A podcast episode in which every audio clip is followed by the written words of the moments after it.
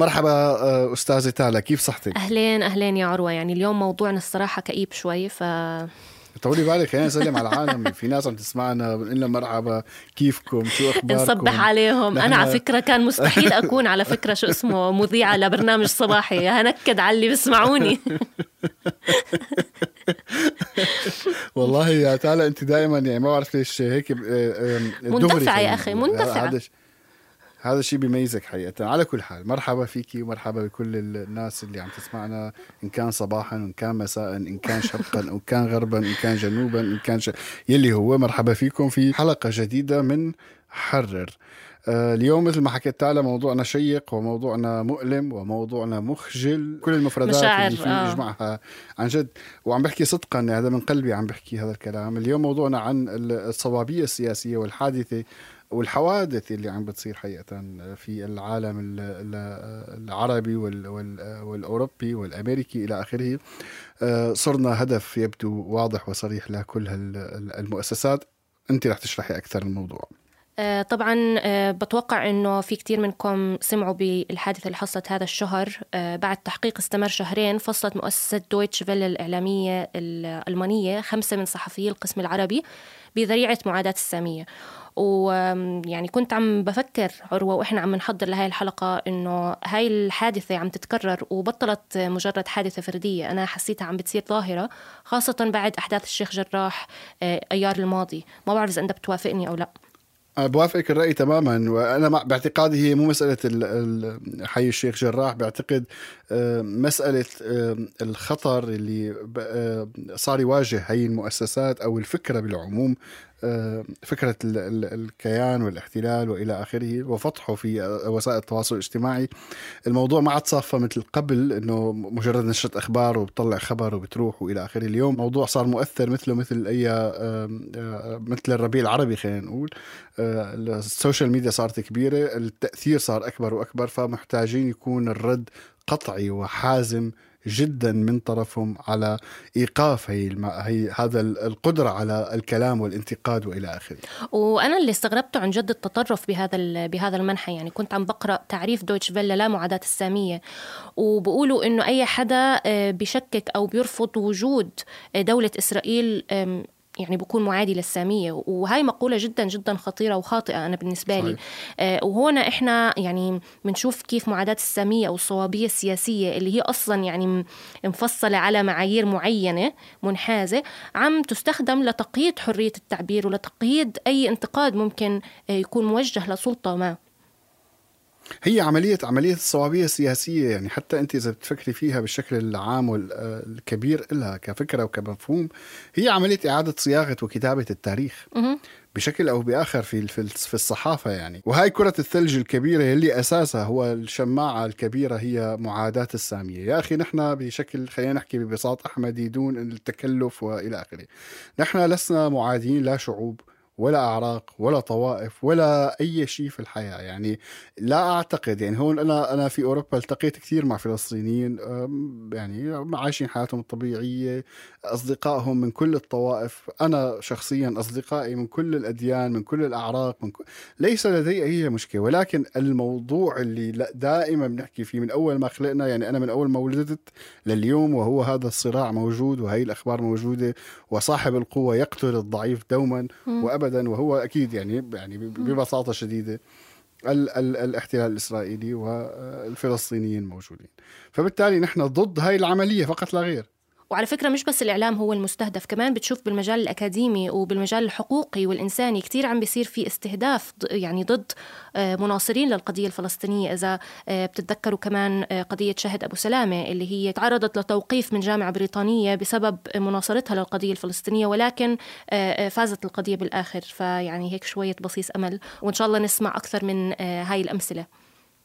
أعتقد الأمثلة كثيرة يمكن ما سمعنا عنها. يمكن حالات كثيرة. يمكن ناس عم تشتغل بسوبر ماركت تعرضت لنفس الموضوع. ممكن ناس عم تشتغل بالمشفى تعرضت لنفس الموضوع. فالموضوع أكبر من هيك بكثير. يعني الموضوع اليوم أنت على كل الأصعدة على كل المجالات أنت ممنوع تحكي بهذا الخصوص. خلص أنت موت وأنت ساكت ببساطة شديدة. اليوم نحن دائما هذا الحوار اللي عم بيصير وهذا الصراع الداخلي فينا كعاملين في هذا ال في هذا ال المجال آه، هي كلمتين الحياديه والموضوعيه دائما صراع غير غير معقول. هم ماسكينهم الكلمتين وحافظينهم ومش فاهمينهم جد. بالضبط. أنا ماني حيادي لا أستطيع أن أكون حيادي بس أنا موضوعي. أنا بقدر أقول إنه أنا موضوعي بس أنا حيادي لا أستطيع أن أكون حيادي 100% يعني هذا كلام فارغ بصفي. وفي فرق بين أنا تالا كإنسان وأنا تالا كصحفية. أنا لما ألبس طاقية الصحفي أنا أصلا بتغير. يعني أنا بمارس دوري كصحفية وهي مهنتي غير عن تالا اللي هي بتنزل على الشارع اللي ممكن تتظاهر. يعني أنا يعني ضد اللي درسوني بالجامعة إنه أنا كتالا كصحفية مش مش المفروض إني أتظاهر. لا يعني مش مش شايفة في تعارض أصلا. أنا إنسان بالتالي يعني بالزبط. أنت كمان أنت كتلة من المشاعر والأحاسيس وإلى آخره. ممكن تتعرضي لضغوطات نفسية ممكن تنحازي ممكن ما تنحازي. هذا وهذا لا يعني وارد. بس بحب أنا يعني أركز على نقطة إنه هذا لا يعني إني أنا أكون غير خلينا نحكي عادلة أو منصفة بتخطيطي للحدث.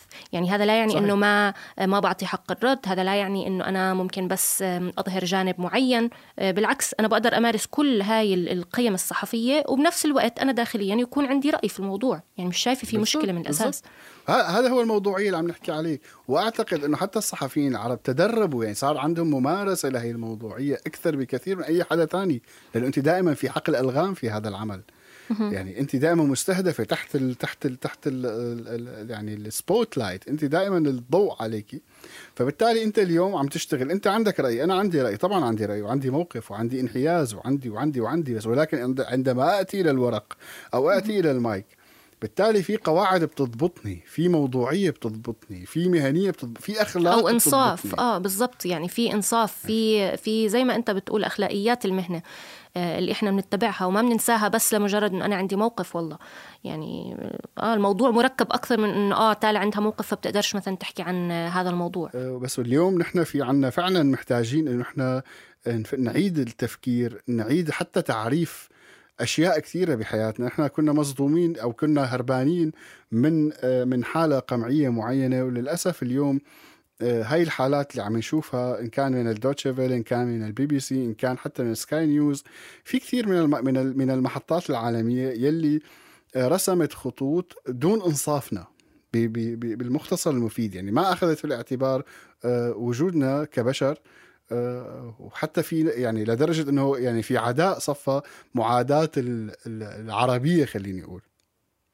واللي بيقهر إنه آه، لسه هاي الدول أو هاي المؤسسات تتسلح أو بتتغطى ب آه، خلينا نحكي شعارات الديمقراطية وحرية التعبير يعني زي كأنه هذا الجانب ما بتأثر. آه، ففي هيك ازدواجية معايير على تناقض على نفاق. ومهما حكينا أنا وياك أتوقع إنه ما رح نقدر نوصل ل الاستنتاجات اللي وصلوها المجربين واللي اختبروا هاي المحنة. فاليوم إحنا رح يكون معنا الصحفية مرام آه، سالم رح تحكي لنا عن تجربتها وكيف انفصلت من دويتش فيلا كانت هي من ضمن الخمس صحفيين اللي انفصلوا وهم على فكرة ما زالوا عم بيفصلوا كمان وكمان. يعني الخمسة هم بس اللي ابتدوا فيهم ولسه آه، في كمان عم بيفصلوا. فرح تحكي لنا عن هاي التجربة وتفاصيل القضية والتحقيق.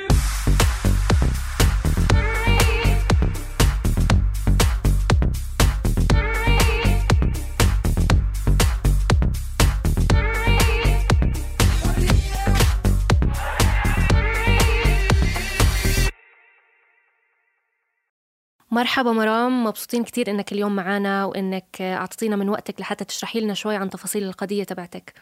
شكرا أهلا وسهلا فيك تالي شكرا كثير ل... لإنكم استضفتوني لهالموضوع. مرحبا مرام أهلا وسهلا أهلين فيك عروة أهلا بتمنى تكون أعصابك مرتاحة وشوي هديتي ولا لسه الحمد لله. ضم... ضمن التوتر. يعني الحمد لله. على على بحسب ما بنحكي بالفلسطيني داحلة. ماشي. داحلة, داحلة.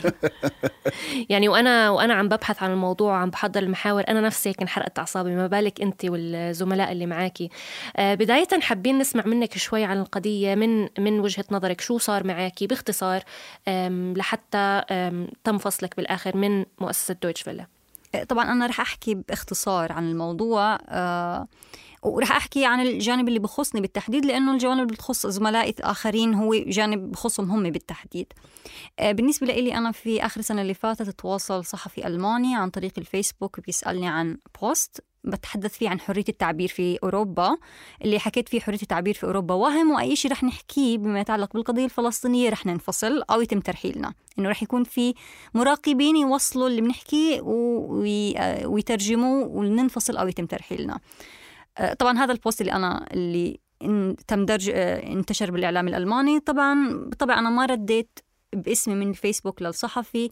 آه، كان رد عن طريق ال spokesperson تاع دويتشه فيله الناطق باسم دويتشه فيله آه، بعديها انتشر تقرير ومن ثم استلمته تقرير طبعا انتشر بزود دويتشه تسايتونغ. وبعد ذلك صحيفة بيلد مسكت هذا التقرير وانتشر أكثر وأكثر. وبعد هيك أعلنت الما... دويتش فيلا بأنها رح تبلش تحقيق داخلي وخارجي. التحقيق الداخلي طبعا من موظفين دويتش فيلا والخارجي هي لجنة اختارتها دويتش فيلا يعني يفترض إنه التحقيق اللجنه يكون اختيارها مش من دويتش فيلا ولكن دويتش فيلا اختارتها. مع إنهم ادعوا إنها مستقلة صح؟ عم تحكي عن المستقله بيحكوا إنه مستقلة بين يعني. قوسين بين قوسين. بيحكوا إنه مستقلة. آه، طبعا كان التحقيق الأولي آه، بالتحقيق الأولي فقط سألوني عن البوست حكوا لي بأنه أنت كيف بتحكي حرية التعبير؟ موجود إنه مش موجودة وما فيش حرية تعبير إنها وهم وأنت بتشتغلي بالدويتش فيلي. واللي هو سؤال إنه يعني ما بعرف بأي بأي سلطة ممكن ينسال لصحفي أنت ليش بتحكي فيش حرية تعبير؟ آه، يعني بالأخص يعني من عفوا آه، مرام يعني هل كان صيغة السؤال إنه أنت كيف تجرؤ إنه تحكي الكلام؟ هيك المعنى هيك يعني إنه أنت كيف بتحكي بإنه ما آه، فيش حرية تعبير وأنت بتشتغلي في دويتش فيلي واللي هي بتحكي عن حرية تعبير يعني. وحتى طريقة طرح السؤال كمان كانت شوي آه، استفزازية. طبعا أنا بحكي أنا هذا حتى هاي اللحظة كان بالإنجليزي ف مش باللغة العربية التحقيق. بعد ذلك أوقفوني عن العمل وبعثوا لي يعني بعد نص ساعة تقريبا أو شيء زي هيك إنه تم إيقافي عن العمل وراح يحولون للتحقيق الخارجي. بالتحقيق الخارجي طبعا اللجنة كانت مكونة من وزيرة العدل آه، الألمانية السابقة بالإضافة لطبيب نفسي إسرائيلي ألماني أحمد منصور آه، وفي اللي كان يكتب البروتوكول هي زوجته لأحمد منصور. آه، طبعا إحنا ما كناش نعرف إنه زوجته اللي بتكتب في البروتوكول إلا بعد ما تم فصلنا نهائيا وبالمؤتمر تم الإعلان بأنه زوجته هي اللي كانت تكتب في البروتوكول. ما تم التعريف عنها إنها زوجته أثناء التحقيق ما كنت أعرف أنا وزملائي ما كنا نعرف إنها زوجته. آه، طبعا بالتحقيق الخارجي آه، أنا ما تم سؤالي عن أي بوست ما انطرح علي أي سؤال عن بوست ما تم التحقيق معي نهائيا في أي بوست لحتى هذه اللحظة ما بعرف شو البوستات اللي بيحكوا فيها. لما تم قرار فصلي ب 7 فبراير حكوا معي video call صباحا قبل المؤتمر بشكل شفهي. حكوا لي انت تم فصلك وما أعطوني الأسباب. حكوا لي رح تعرف الأسباب لاحقا. لما بعثوا لي المؤتمر طبعا بعد المؤتمر لما بعث بعد كم يوم من المؤتمر وإنهم خبروني الفصل شفهي بعثوا لي الفصل مكتوب كتابيا وبنفس الشيء الفصل كتابيا ما كانش موضح ليش أنا انفصلت. طبعا ليش طب بالتحقيق إيش سالوكي بالتحقيق؟ طبعا الخارجي. التحقيق كانت الأسئلة مثل ما حكيت ما سألونيش عن البوستات. يعني أنا في زملاء عندي منهم بعثوا لهم إنه البوست واحد اثنين ثلاثة ليش حكيت هيك؟ أنا ما تمش سؤال عن البوستات بالامر نهائيا. التحقيق تاعي كان أكثر بيعتمد على النوايا أنا شو أنا؟ آه انت كيف آه تربيتي؟ يعني كيف تربيتي فيما يتعلق بإسرائيل في بيتك؟ آه شو رأيك بحركة المقاطعة BDS شو رأيك بحركة حماس؟ آه شو رأيك ب آه آه، شو اسمه بالوجود الإسرائيلي آه، يعني بحق الوجود الإسرائيلي. يعني الأسئلة يعني في مثلا أحد الأسئلة اللي أنا انصدمت منه ويعني إنه عفوا إنه كيف بينسأل إنه هل بتزعلي لما أطفال إسرائيليين بموتوا بنقتلوا؟ أنا بالضبط ردة فعل هيك. يعني أنا يعني ردي يعني حتى ردي على السؤال إنه يعني إنه أنا هيك أنا فهي يعني كان إنه انصدمت إنه كيف يعني الأمر كان بيتعلق أكثر بشو أنا كانساني أكثر ما بيتعلق بالشغل وكان الأسئلة بطريقة إنه أوكي انت فلسطينية لازم تثبتي إنك إنسانة. ف آه، وهذا الأمر يعني مؤلم جدا من ناحية ومن ناحية أخرى أنا ما كنت مصدقة إنه المؤسسة تاعتي اللي أنا اشتغلت فيها واللي بذلت جهد فيها تضعني بهيك موقف بإنه يتم سؤالي أسئلة بتتعلق بإنسانيتي كفرد يعني كإنسان ك آه، أنا شو يعني شو النوايا اللي داخلي شو أنا يعني شو اللي بيعبر عني وشو اللي ما بيعبر عني. والأسئلة نهائيا ما كانت بروفيشنال ما كانت مهنية نهائيا آه، ما كان لها دخل بشو بيمشي التحقيق يعني. وهذا الشيء كان واضح في المؤتمر إنه في بعض الاتهامات لبعض الناس في في قرار المؤتمر المكتوب إنه عشانهم حطوا like مثلا على تعليق معين. هلا عفوا مرام انت يعني لو لو لو حكينا شوي بصراحة هل هل كانت المسألة مسألة تراكمية؟ يعني هل كان في شيء قبل هذا الحديث الحدث آه، آه، تحديدا لأنه أنت فلسطينية أثناء العمل وهذه يعني هذا موضوع البوست هو الشعرة التي قسمت ظهر البعير أو لا؟ آه، هي فعلا فجأة حدا شاف البوست؟ يعني هو هو بالتحقيق الداخلي لما سألوني إنه كيف تحكي فيش حرية تعبير بحكي لهم إنه انت أنتوا اللي بتعملوه حاليا دليل إنه البوست اللي أنا كتبته صحيح. بالضبط. يعني قلت. لهم البوست اللي كتبته إنه دليل إنه اللي حكيته صحيح. آه فالفكرة آه، بإنه آه، يعني سابقا طبعا كان خلال فترة آه، أحداث ال- الحي الشيخ جراح كان في هناك حسب ما تم وصفه بالدويتشه فيلي إنه في خطأ في آه، أحد الضيوف بالقسم الإنجليزي وبالتالي آه، آه، نشروا guideline داخلي وطبعا أنا بتذكر إنه أثناء يعني هذا ال guideline تم تسريبه للإعلام لاحقا يعني خلال تلك الفترة. وبذكر إن طبعا إحنا عشان أحكي جزئية معينة أنا بسبب آه، كورونا أنا بشتغل من البيت. فبال office أنا مش موجودة يعني بأغلب الوقت ما كنت موجودة أنا أغلب شغلي كان بالبيت. ماليش أي اختلاط يعني مع أحد إلا سواء كان على التليفون وشغلي بالأساسي بالبيت. فالفكرة بإنه آه، الجايد لاين الداخلي هذا كان في هناك نقاش حوله ونقاش داخلي حوله لإنه كان في كثير تحيز في هذا بما يتعلق بالمصطلحات اللي بيتم استخدامها بما يتعلق بالضيوف اللي إحنا لازم ناخذهم أو ما ناخذهمش. يعني الضيوف إنه مش لازم ناخذ ضيوف مؤيدين مثلا للفلسطينيين ولا- ولازم نقلل من وجودهم. طبعا في نقطة مهمة هون بأنه الجايد لاين كان موضح إنه موجه للقسم العربي رغم إنه الخطأ اللي صار كان من القسم الإنجليزي. طبعا أكيد في مصطلحات كل مؤسسة إعلامية عندها مصطلحاتها الخاصة فيما يتعلق بالسياسة التحريرية وش المصطلحات اللي بتستخدمها وهذا إحنا متعودين عليه كصحفيين في أي مؤسسة إعلامية نشتغل فيها بالأخص في المؤسسات الإعلامية الدولية يعني كل مؤسسة لها مصطلحاتها المعينة.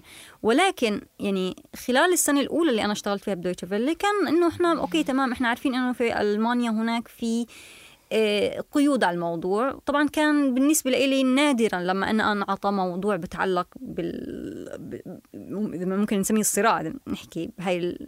بهذا المصطلح. آم، وكانت أغلب الأمور اللي بتتعلق بهذا الموضوع بتتعلق أنا بالسياسة الداخلية الإسرائيلية لأنه بسبب إتقاني للغة العبرية فكان سهل إني أنا أصل للمعلومة. فيما يتعلق بالسياسات الداخلية أو مثلا شو رأي ال- الجمهور الإسرائيلي في نتنياهو من هاي الأمور. وطبعا إحنا لما بنحكي عن عقد بينه وبين الدويتشه فيلي إحنا ما وقعناش ولا إشي بخصوص يعني التوقيع بينه وبين الدويتشه فيلي بيتعلق بأنه إحنا بنحترم الحريات اللي بتعبر فيها عنها الدويتشه فيلي ما في شيء بيتعلق بإسرائيل في في العقد بيننا. بالإضافة لأنه إذا بدنا نسميها أخطاء بين قوسين رح أحطها بين قوسين الفكرة بإنه إحنا عبرنا حكينا عن رأينا في مواقع التواصل الخاصة فينا. ما حكينا على في موقع دويتشه فيلي يعني حتى بالتحقيق الخارجي مروا على المواد اللي أنا كتبيتهم بيحكوا لي أوكي أنت كنتي يعني حيادية والمصطلحات تمام اللي أنت مستخدمها بحكي لهم نعم هذا شغلي. بس آه، فالفكرة بإنهم هم يتوجهوا لمواقع التواصل ال آه، ال- آه، على ال social media يتوجهوا للإشي اللي بخصنا إحنا مش لشغلنا. يعني ما كانش الانتقاد لشغلنا. هذا بيقودني مرام للسؤال اللي بعديه اللي هو آه، يتعلق بكل شيء درسناه إحنا بكليات الإعلام بالجامعة. كانوا دائما يحكوا لنا إنه أنتم كصحفيين وصحفيات مش المفروض مثلا تنزلوا على تظاهرات. إذا بدك تنزلي على تظاهر آه، بدك آه، تنزلي كصحفيه عشان تغطي الحدث. ففي هيك نوع من العزل للصحفي أو الصحفية من النسيج المجتمعي والسياسي اللي هو فيه. وأنا بنظري هذا إشي مش واقعي ومش منطقي لأنه إحنا بالآخر بشر وال... والإنسان مستحيل انه هو ما يكون م... ما يكون يعني منحاز لقضية خاصة إذا هو عايشها. ولكن زي ما قلتي في فرق ما بين الشخصي والمهني. يعني أنا شخصيا ممكن أكون منحازة ولكن مهنيا بقدر أحافظ على آه، هذا التوازن أو هذه هذه الموضوعية. آه، كيف يعني احكي لنا شوي عن مفهومك للموضوعية والحياد مهنيا وشخصيا والفرق ما بين المهني والشخصي. طيب أنا خليني أحكي بداية يعني بشكل خصوصي فيما يتعلق بألمانيا. على سبيل المثال إذا نحكي عن آخر حدث نحكي عن روسيا وأوكرانيا مثلا. مسموح للصحفي الألماني أو غير الألماني أو صحفي موجود بألمانيا إنه يأخذ جانب روسيا أو يأخذ جانب أوكرانيا. وما رح يكون في جدل وما رح يتسبب هالأمر بفصل الموظف من عمله. إذا بنحكي على المستوى الشخصي بعيدا عن التغطية اللي ممكن تكون حيادية بس بنحكي على الموقف الشخصي. ولكن لما يتعامل الأمر بيتعلق بالفلسطينيين والإسرائيليين فإنه إذا أنت بتأخذ الجانب الفلسطيني أنت مهدد بأنه يتم فصلك. يعني إمكانية إنه أنت يكون لك رأي معين في قضية معينة بدون ما يتم تهديدك في آه، تهديد وظيفتك مسموح بكل شيء ثاني مسموح بكل أمر آخر. مسموح أنك تأخذ موقف فيما يتعلق آه، بحقوق المرأة مثلا.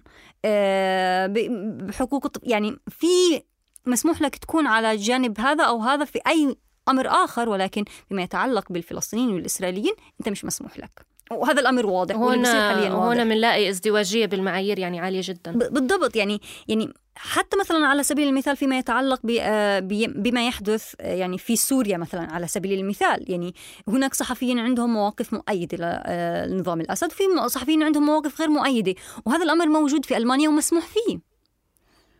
فقط فقط على الح... على الحالة على الحالة الفلسطينية يعني كنا عم نحكي بالضبط هاي الفكرة. نعم. يعني حتى لو ك... لو كان في انتقاد للسعودية مثلا هل حيكون في حالة فصل؟ المسألة مسألة سياسية يبدو بكل بكل بكل وضوح عم تكون. وهذا واضح جدا. والفكرة بإنه يعني السؤال كان متعلق في الحيادية وأنا شو رأيي في موضوع الحيادية والمواقف. طبعا أنا ما بشوف الأمر واقع بأنه الصحفي ما يأخذش مواقف من بعض القضايا المهمة في العالم. وك أو أنا بداية يعني دائما بيحكوا لي إنه أنت صحفية أولا وإنساني ثانيا وفلسطينية ثالثا. لا أنا إنساني أولا وصحفية ثانيا. فكرة إنه أنا كإنسان أخذ موقف من القضايا الإنسانية ومن قضايا الحريات ومن قضايا اللي بتأثر على العالم وعلى توجهات العالم هو أمر جدا مهم لإلي كإنسانة قبل ما أكون صحفية. وأنا كصحفية كإعلامية أبدا لن أسمح لأي حدا بأنه يقوض آه، رأيي وحريتي فيما يتعلق بهذا الأمر. نهائيا لن أسمح بهذا الموضوع. آه، ليش؟ لأنه عندي أنا حق كإنسان بإني أدافع عن اللي بشوفه آه، صحيح. وخ... يعني خلينا نحكي أنا مش غريب أنا مش جاية يعني أنا من الضفة الغربية. والتجارب اللي بحكيها فيما يتعلق باللي بصير هو تجارب أنا عشتها. أنا مش جاي من من برا من مكان ما بعرفش إشي. أنا كمان هاي بتح... انت أنت بتنتزع مني حقي إني أحكي عن التجارب اللي عشتها. وهذا اللي بصير يعني هناك انتزاع لفكرة إني أنا أحكي عن تجربتي. يعني أنا كصحفية أنا فقدت زملاء صحفيين في في يعني زملاء صحفيين تم قتلهم بدم بارد وهم بيغطوا بالمواجهات. أنت هذا الأمر بتنتزع مني حقي بالانتقاد. وهذا حق حق حقك الإنساني أعتقد حق يعني الإنساني. يعني الأمر وهذا الأمر يعني ما بعرف ك... ما بعرف من أي جهة بتيجي الدويتشة فيلا تحكي لك يعني هم بيتعاملوا مع الموضوع وتعاملوا مع القضية بشكل إنه أنت آه كأنهم حطوا الحق ب آه مين الصح وشو الغلط هم حاطين تعريفهم ال... وشافوا حالهم إنهم الأولى إنهم يقرروا هذا الأمر. يبدو مرام إنه الموضوع لا ينحصر فقط في في المؤسسات الإعلامية، أنا لا, أستطيع ذكر الأسماء ولكن أحد الصديقات هي طبيبة أردنية كمان كانت موجودة في ألمانيا وبدأت عملها في آه، طب طب النسائي يعني يعني هي بقسم الأمراض النسائية. وحدثت وقتها أحداث حي الشيخ جراح فهي تفاعلت مع الموضوع وكمان على ال social media. للأسف بعد ثلاث أسابيع من هذه من هذه الحالة كمان تم فصلها بشكل آه، تعسفي يعني اختارها في انتهاء العقد بال Probezeit ما بعرف أكيد أنت بالفترة التجريبية. بالفترة التجريبية نعم. تبعها. نعم. وتم إنهاء عملها مع العلم. كان في إشادة في في مهنيتها لأنه هي كانت متدربة جيدة جدا في يعني قادمة من عمان وهي اوريدي عندها خبرة خبرة عملية. فبالتالي تم تم فصلها بشكل تعسفي وتم سؤالها من رئيس قسمها هل أنت مع إسرائيل أم لا؟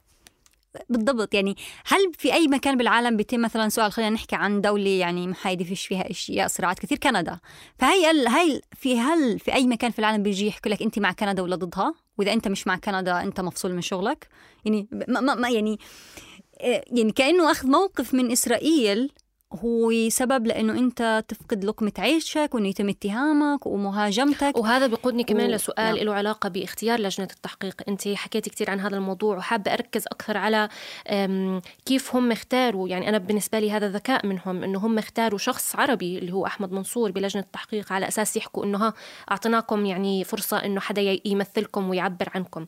فأنا كثير يعني بنقهر لما تصير هاي الأمور هيك مجرد صور وواجهات إنه هاي حطينا لكم عربي.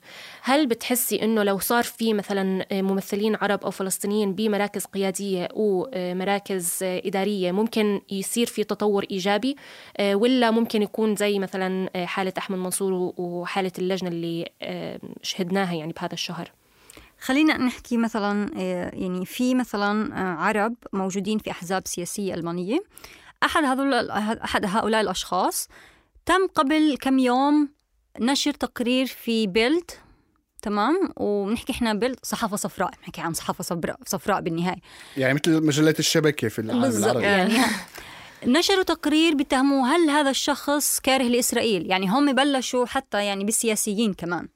يعني واي سياسي عربي موجود إذا هو بينتقد إسرائيل هل هو كاره لإسرائيل؟ وبنشروا صورهم طبعا والاسماء وهذا آه، موجود. ف آه، إذا بدنا نحكي إحنا عن خصوصية الاختيار للتحقيق و آه، يعني آه، أحمد منصور وما بديش أحكي عنه بشكل شخصي ولكن هناك في جدل معين على آه، اختياره خاصة بأنه هو معروف مواقفه ضد المسلمين في ألمانيا مع- معروفة مواقفه ضد الفلسطينيين في ألمانيا وعنده تصريحات كثير يعني بالإمكان وصفها بأنها هجومية جدا على المسلمين. ومع ذلك تم اختياره من مؤسسة آه، بالنهاية يعني إحنا معروفين بالدويتشه فيلي مؤسسة يعني معروفة بهذا الموضوع أو داخليا يعني لما بنحكي لما إحنا نكتب عن مواد إنه آه، في موقف واضح فيما يتعلق بالدفاع عن الحريات الدينية وغيرها.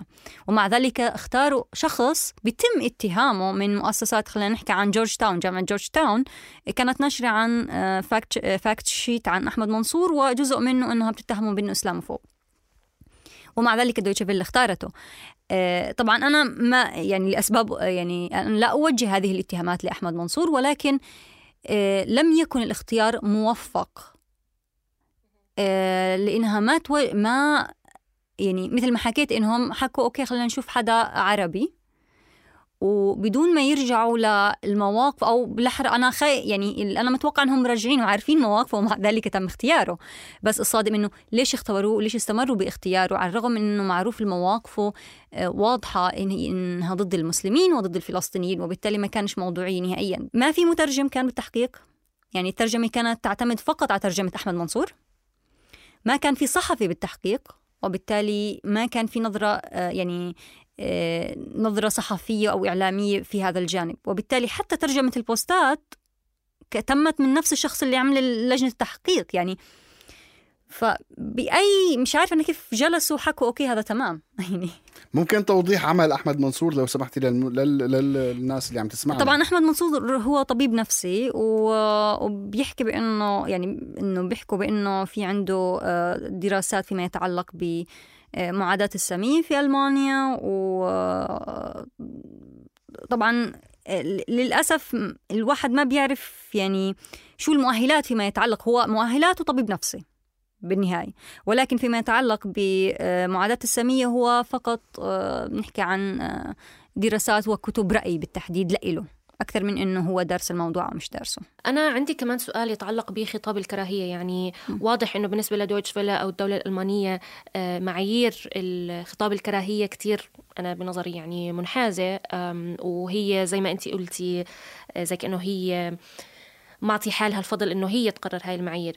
بس إذا إحنا بنرجع لورا شوي وهيك نفكر مع بعض عشان معظم اللي عم يسمعونا جايين من آه، من خلفية إعلامية كيف كيف ممكن نفسر آه، خطاب الكراهية بمعايير مختلفة؟ يعني شو بالنسبة لك خطاب مع... آه، خطاب كراهية؟ وكيف ممكن نحد من استخدام هذا المصطلح اللي هو ممكن يكون كتير مفيد نحد من استخدامه كشماعة لتقييد حرية التعبير؟ طبعا يعني خلينا نحكي عن الجانب الأولي و... وأنا هالإشي حكيته سابقا. يعني أنا كإنساني آه، أدعم الحريات حتى الآخر. الحريات العقيدية الجنسانية ال- آه، آه، طبعا بدعم حر يعني بدعم حقوق الإنسان حقوق المرأة حقوق الطفل حقوق الحيوان للآخر. تمام؟ للآخر. ولكن أنا كإنساني كصحفية ك كإنساني بشكل عام أنا لدي الحق بإني أنتقد أي دولة أي سلطة آه، أي مسؤول سواء كان قامع أو غير يعني سواء كانت هي سلطات قمعية أو غير قمعية. سواء كانت سلطات في العالم الديمقراطي أو غير الديمقراطي. أنا يحق لي انتقاد أي دولة في العالم. وانتقادها طبعا آه، وهذا أمر مشروع بالقانون على الأقل في ألمانيا. وبالتالي لما إحنا بنحكي عن آه، خطاب الكراهية يعني أنا مثلا ما بينفع إنه أنا أروح أسب على يهودي لأنه فقط يهودي مثلا. هذا خطاب كراهيه واضح جدا وهذه معاداة سامية واضحة جدا. ولكن انتقادي لإسرائيل والأفعال اللي بتقوم فيها إسرائيل هذا انتقاد لاداء آه، دولي معينه اتجاه آخرين هذا مش اتجاه آخرين اتجاهي أنا كفلسطينية يعني وبالتالي خطاب الكراهية واضح. وللأسف آه، هناك التعريف فيما يتعلق بخطاب الكراهية فيما يتعلق ب يعني إسرائيل مثلا على سبيل المثال. وهذا الأمر موجود على الإنترنت وبالإمكان البحث عنه بأنه آه، بمرحلة ما خلال السنوات السابقة صار إنه نحكي إنه إسرائيل بتقتل أطفال صار أمر معادي للسامية في ألمانيا. وبالتالي أو مثلا وصف آه، إسرائيل بأنها دولة فصل عنصري معادي للسامية. قولي هذا الموضوع الآن يعني أنا أحكي إنه بهالموضوع الآن ممكن يتفسر معادلة السمية لأن أحكي بأنه آه هذا القانون بيحكي واحد اثنين ثلاثة. وبالتالي آه للأسف في ألمانيا في ضبابية ما بين خطاب الكراهية إذا نحكي إحنا عن اليهود بالتحديد وما بين آه الانتقاد إسرائيل من ناحية أخرى. وهذا أمر جدا خطير وبيساهم في كتم الأصوات اللي بتدافع عن الفلسطينيين سواء كانوا فلسطينيين عرب أو غير عرب. آه، ف يعني لكل إنسان أنا بتوقع إنه واضح لما يعني لما أنت بتيجي بتسب على إنسان عشان ديانته هذا أكيد خطاب كراهية. والمدير العام لدويتشه فيله وأنا عم بعمل شوية بحث بيتر لومبرغ آه، حكى بخطة عمل مكونة من عشر نقاط كنتيجة للتحقيق. توصيات وجزء من آه جزء من هاي التوصيات إنه يلتزموا آه، يعني دويتشه فيله تلتزم بالتعريف لمعاداة السامية وتجعله ملزم للعاملين في المؤسسة. وقال يعني بين قوسين آه، بين قصدي quotation marks هذا التعريف يشمل الاعتراف بحق إسرائيل في الوجود ورفض إنكار محارق الهولوكوست أو التقليل منها. يعني شو جاب محارق الهولوكوست لحق إسرائيل في الوجود؟ وهي نقطة مهمة يعني التوصيات اللي خرجت من لجنة التحقيق. طبعا لجنة التحقيق وجهت اتهام بإنكار الهولوكوست لجميع الموظفين اللي تم التحقيق معهم. وهذا أمر صادم. يعني ما يعني حكوا بينهم إنكار هولوكوست وعدم تأييد الوجود الإسرائيلي. طبعا أنت بتحكي عن تهمة إنه أنت بتوجه هاي التهمة لصحفيين ولا واحد منهم بينكر الهولوكوست. ف فهي التعريف اللي بتاخذته الدويتشه فيلي هو آه، تعريف أصلا جدلي. ومؤسسات يهودية كثير بتشوف بأنه هذا التعريف استخدامه ممكن يؤدي طبعا لتكميم الأفواه اللي بتنتقد إسرائيل. وهذا معروف يعني هذا التعريف اللي تم أخذه هو تعريف آه، عليه جدل حول العالم ولما خرج أول مرة كان في جدل عليه. ف ومع ذلك تم اعتماده.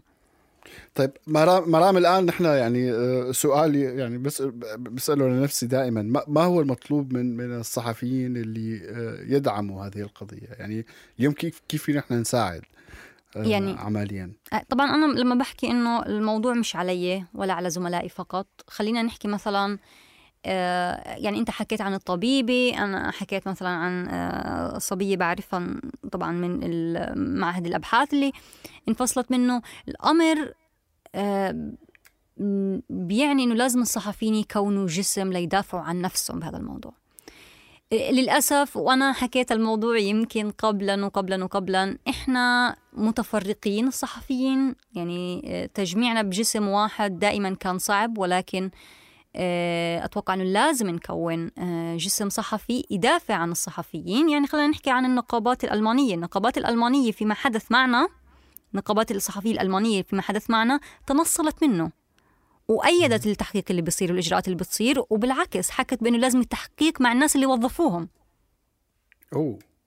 يعني نقابات الإعلام اللي يفترض أنها تقف مع الصحفيين في ألمانيا لم تقف معنا. يعني إحنا ندعو ل- لتشكيل جسم في جسم كيان صحفي في- ندافع عن بعض. يعني إحنا بعدين الصحافة يعني آه، الإعلام آه، شيء قوي. يعني دورنا مش سهل. ومرام كان عندي كمان تساؤل حول مخططاتك القادمة وهل تأثرت بهذا الفصل؟ يعني إذا أنت هل عم تبحثي عن شغل هل هذا بيأثر؟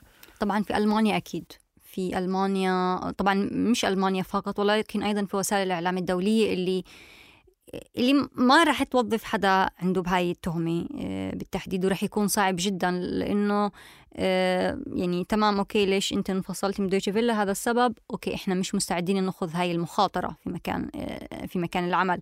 وبالتالي الحصول على العمل رح يكون جدا صعب. اللي قامت فيه دويتشه فيلا هو اغتيال مهني لإلنا. وسمحت بإنه يتم ذكر اسمائنا بشكل في الإعلام الألماني و... وما دفعت عنا نهائيا بهذا المجال. سمحت إنه إحنا نكون مكشوفين بشكل آه، مؤلم وبدون ما تحافظ على حقوقنا اللي هي وعدت بإنها تدافع عنها. فبالتالي آه، حصولي على عمل. آه، هذا أمر أنا يعني ش- شايفيته شبه مستحيل صار شبه مستحيل.